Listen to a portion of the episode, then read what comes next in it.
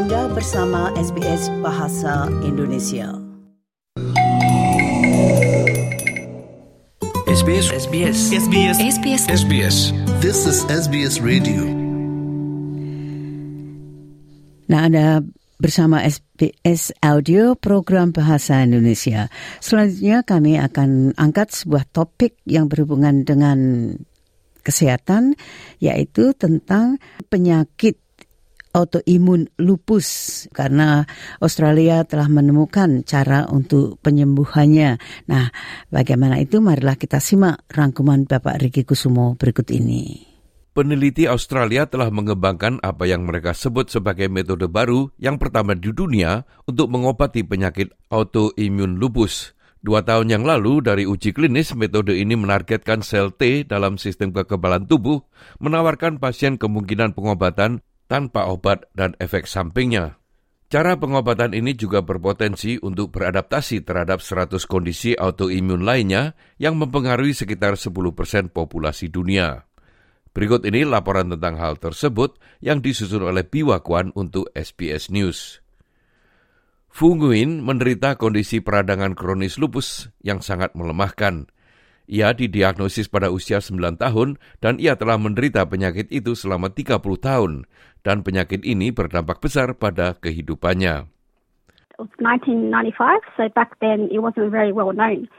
So the very first symptoms I had gotten were like um, aching joints and swollen joints. So I went off to the GP, and very luckily, I think he must have been reading up on it, and just said, "Oh, maybe go do these blood tests." And it turned out that I had lupus. When I was about 22, I actually had a stroke, which was kind of caused by the lupus. So about a year later, after being in hospital, it took me to get out. Um, I was got diagnosed with epilepsy as well. So after that, I was kind of told you can't really work because stress will activate the epilepsy and have seizures. Seperti penyakit autoimun lainnya, penyakit ini tidak ada obatnya. Untuk mengatasi gejalanya, pasien menggunakan intervensi gaya hidup dan mengonsumsi obat secara teratur dengan potensi efek samping yang sangat toksik. Kondisi ini diperkirakan mempengaruhi satu persen penduduk Australia, yaitu sekitar 25 ribu orang, dan prevalensi lebih tinggi terjadi pada wanita dalam masa subur, dan mereka merupakan penduduk asli Australia, Polinesia, atau keturunan Asia Tenggara. Penyakit ini muncul secara berbeda pada setiap individu, menghasilkan antibodi dalam sistem kekebalan yang menyerang banyak organ dalam tubuh dari kulit dan persendian hingga ginjal, jantung, dan otak. Bagi wanita berusia 20-an dan 30-an, hal ini memberikan peluang satu dari 10 kematian sebelum menginjak usia 40 tahun. Demikian menurut meta-analisis data global yang diterbitkan di Simon Arthritis Rheum pada tahun 2012. Bagi Nguyen, pengalaman hidupnya dengan penyakit ini telah mendorongnya untuk mendirikan kelompok dukungan pasien Lupus Victoria untuk membantu orang-orang menghadapi suka dan duka penyakit ini. With lupus, it's very unusual to have some symptoms. So sometimes people come on and ask, is this unusual? Is this how this is supposed to be? What creams can I use for my itchiness or something like that? So everyone just comes in, gives their 10 cents input to say, you know, um, you know, you should do this, you should read books, you should exercise, you should try this ointment, just things like that. I think with the group, because lupus is still very unknown now, sometimes family of newly diagnosed patients still don't understand. So at least they come in there and they're able to talk to people that know what's going on, and it really helps them that way. Kini para peneliti di Monash University telah mengembangkan proyek enam tahun yang dapat mengarah pada pengembangan pilihan pengobatan jangka panjang pertama untuk pasien lupus.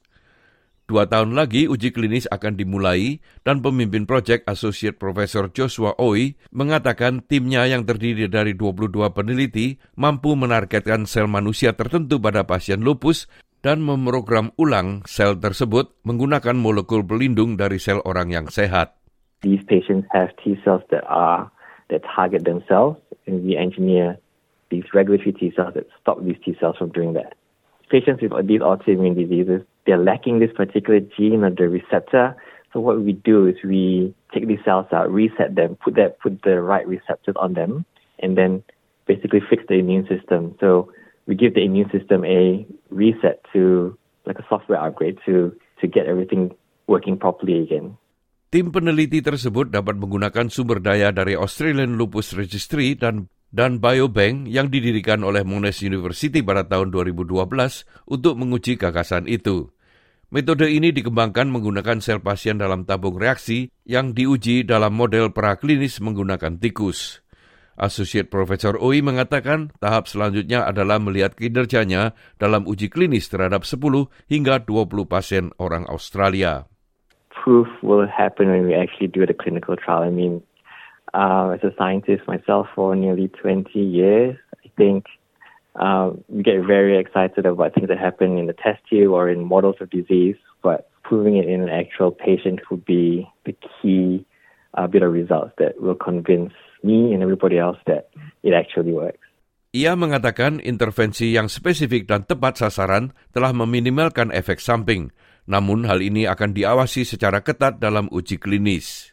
They have to take regular medication, whereas these cells that we put in the body they actually live in the body for at least a few years. So we hope it's going to be a much better, safer, um, easier treatment to take. We're only modifying the genes in a very small subset of cells. It's not changing your whole genome. You can't pass it on to your children.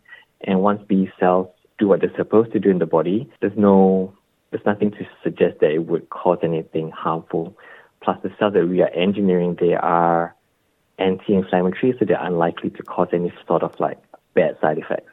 Demikianlah tadi rangkuman yang disusun oleh Piwakwan untuk SBS News dan disampaikan oleh Ricky Kusumo.